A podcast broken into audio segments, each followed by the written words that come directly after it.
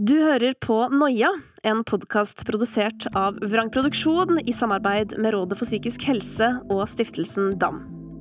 Denne episoden skal handle om tilbakefall. For dessverre så er det sånn at mange som opplever depresjon, opplever det igjen.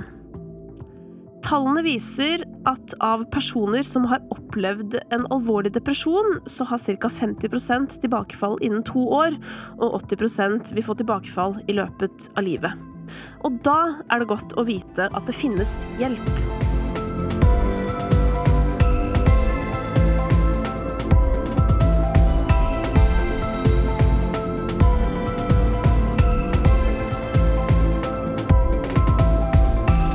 Lest at hvis du har opplevd depresjon én gang, så er sjansen større for at man opplever det flere ganger.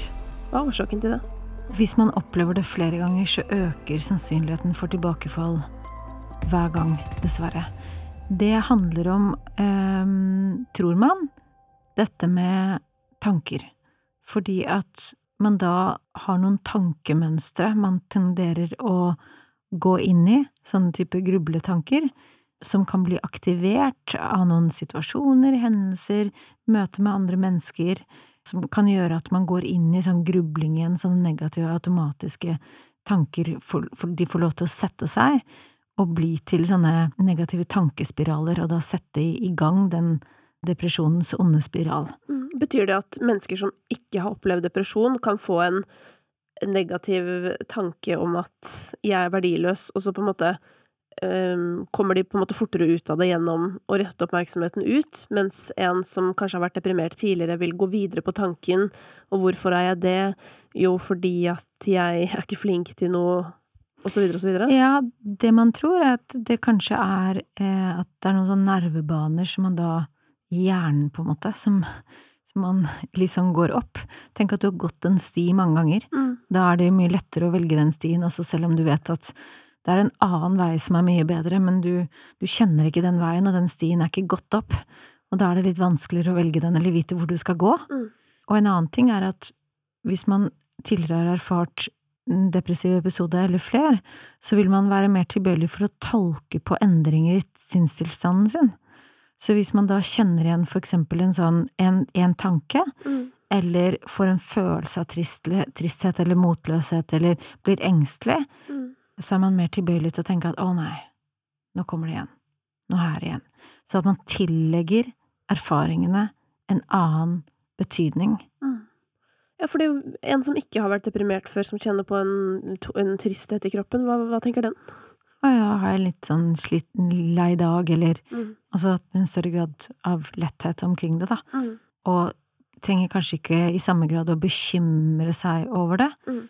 Hvis man har erfart flere depressive episoder, eller erfart hva det vil si å være deprimert i det hele tatt, Mm. så er det såpass smertefullt at man vil på ingen måte tilbake dit. Og da blir jo veldig mange engstelige Mm.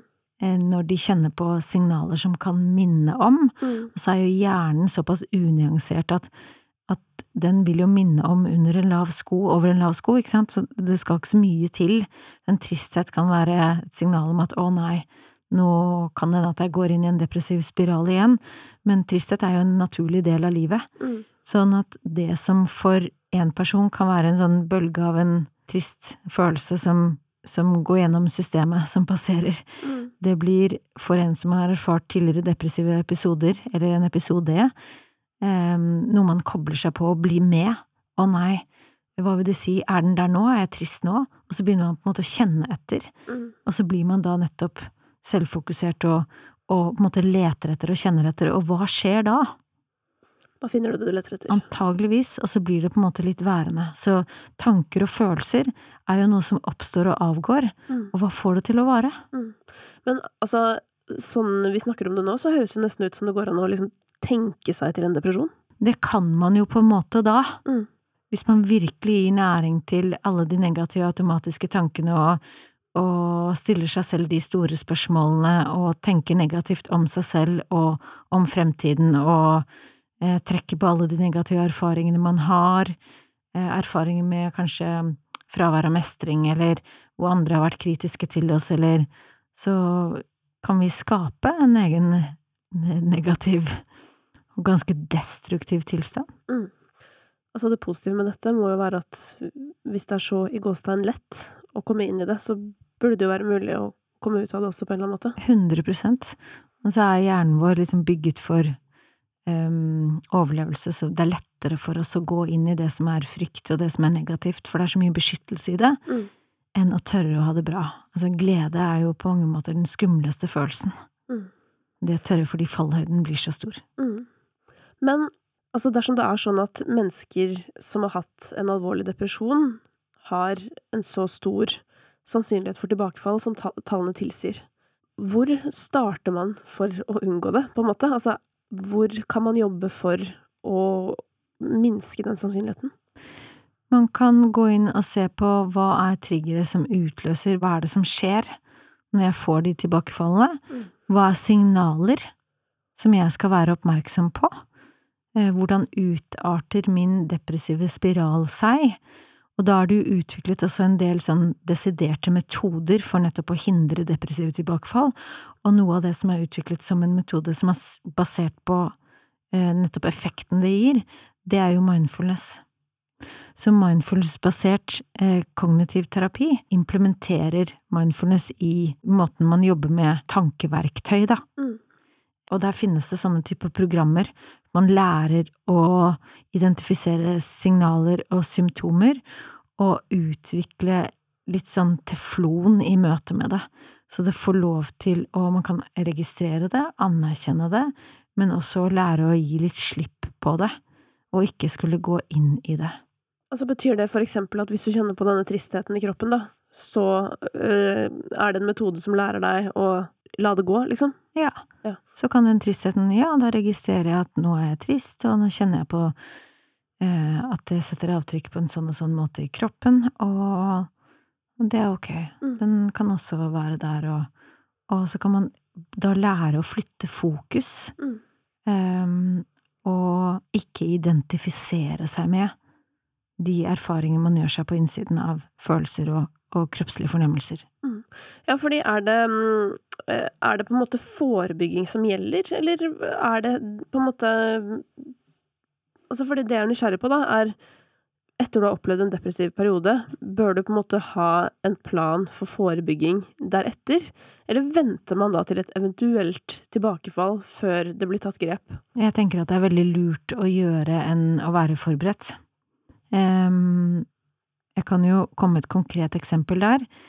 I møte med mine klienter så gjør jeg alltid en sånn eh, oppsummering og tilbakefallsforebygging, så man, vi går igjennom eh, noen spørsmål som jeg har laget om for å få litt overblikk over liksom, hvordan utartet problemene mine seg, hvordan kan jeg forstå hva som har skjedd, eh, og, og da em, som vi har vært inne på med eh, viktige erfaringer man har med seg, måten man grunnleggende har lært å tenke om seg selv, og, og da hva har jeg lært i, altså i samtalene, da, eh, for eksempel om sine egne mønstre eller sin egen onde spiral, eller om eh, hvordan vedkommende kan tenke annerledes om seg selv og nye leveregler, for eksempel.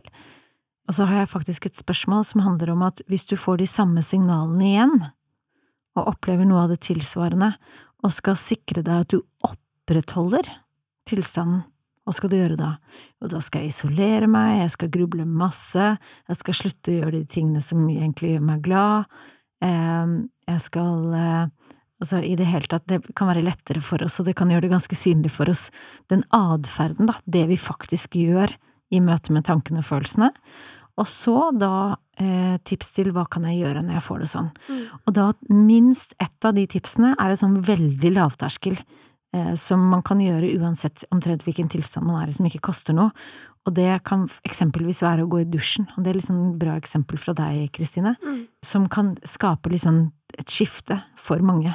Det kan være å gå tur, det kan være å kjøpe friske blomster, det kan være å ringe en venn, en venn det kan være å hva enn. Og da har man eh, med sin egen skrift, sine egne notater, sin egen forståelse og sine egne råd og tips, Mm. og det kan være litt lettere å bruke. Og da kan man for eksempel også notere seg der at Når jeg kommer i den tilstanden, så har jeg en tendens til å ikke tro at noen ting virker, og derfor gjør jeg heller ikke noe. Så en del av den tilstanden handler om at jeg nettopp går inn i det, det lynnet der. Og hvis man ser da de setningene eh, skrevet med egen skrift, eh, så kan det være lettere å se at ok, nå er jeg i den tilstanden, nå tenker jeg at det er ingenting som hjelper likevel, det er ikke noe poeng, Mm. eh, det har ikke noe for seg, det gir ikke mening, og så videre, og da kunne snu det, og da nettopp identifisere tilstanden.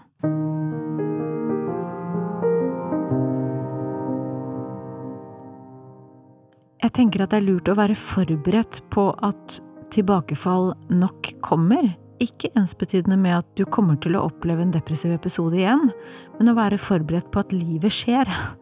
Eh, At du kommer, du kommer til å møte utfordrende faser og perioder, og eh, hvordan kan du møte det da?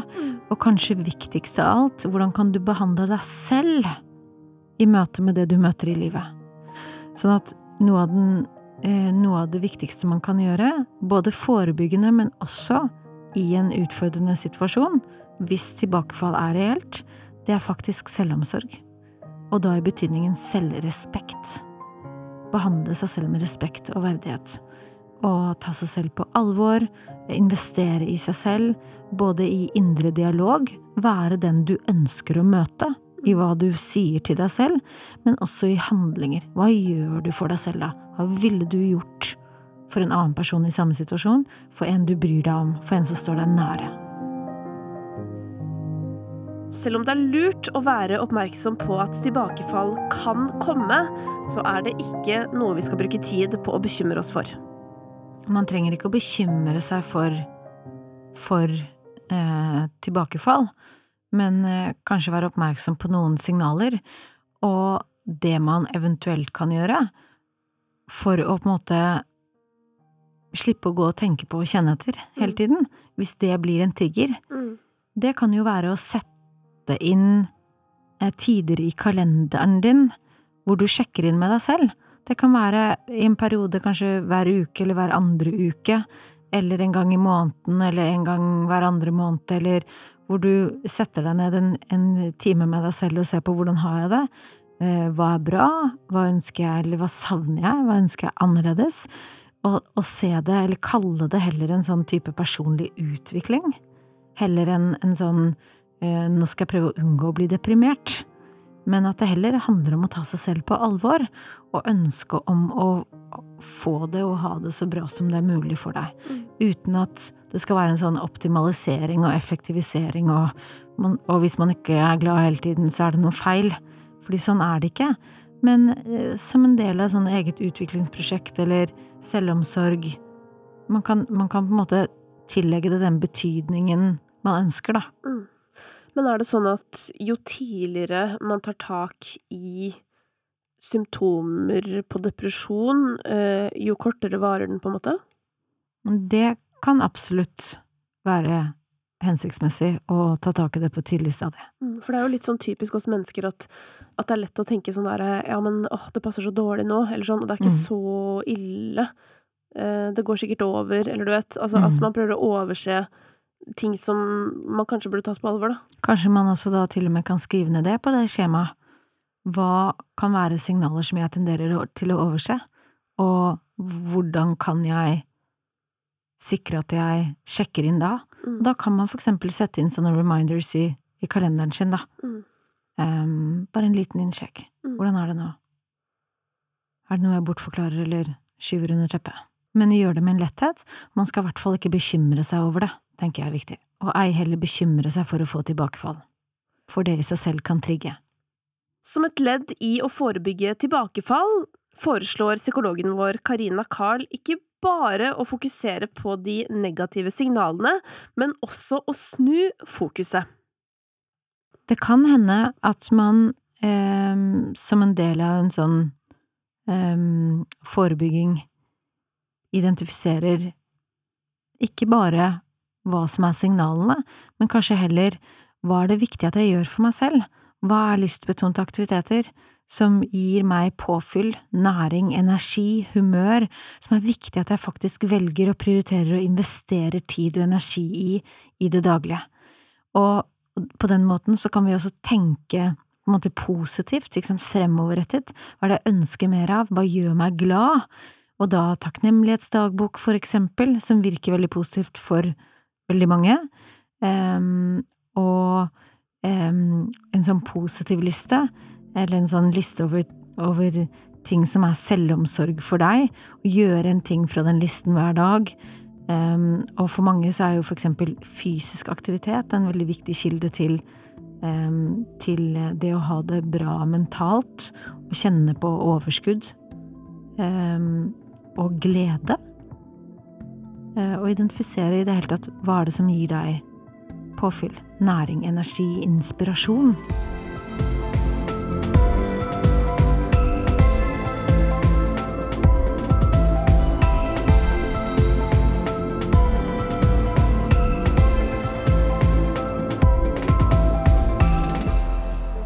Tusen hjertelig takk for at du lytter til Noia. Hvis du syns det du hører er bra, så blir vi veldig glad hvis du forteller det videre til en venn.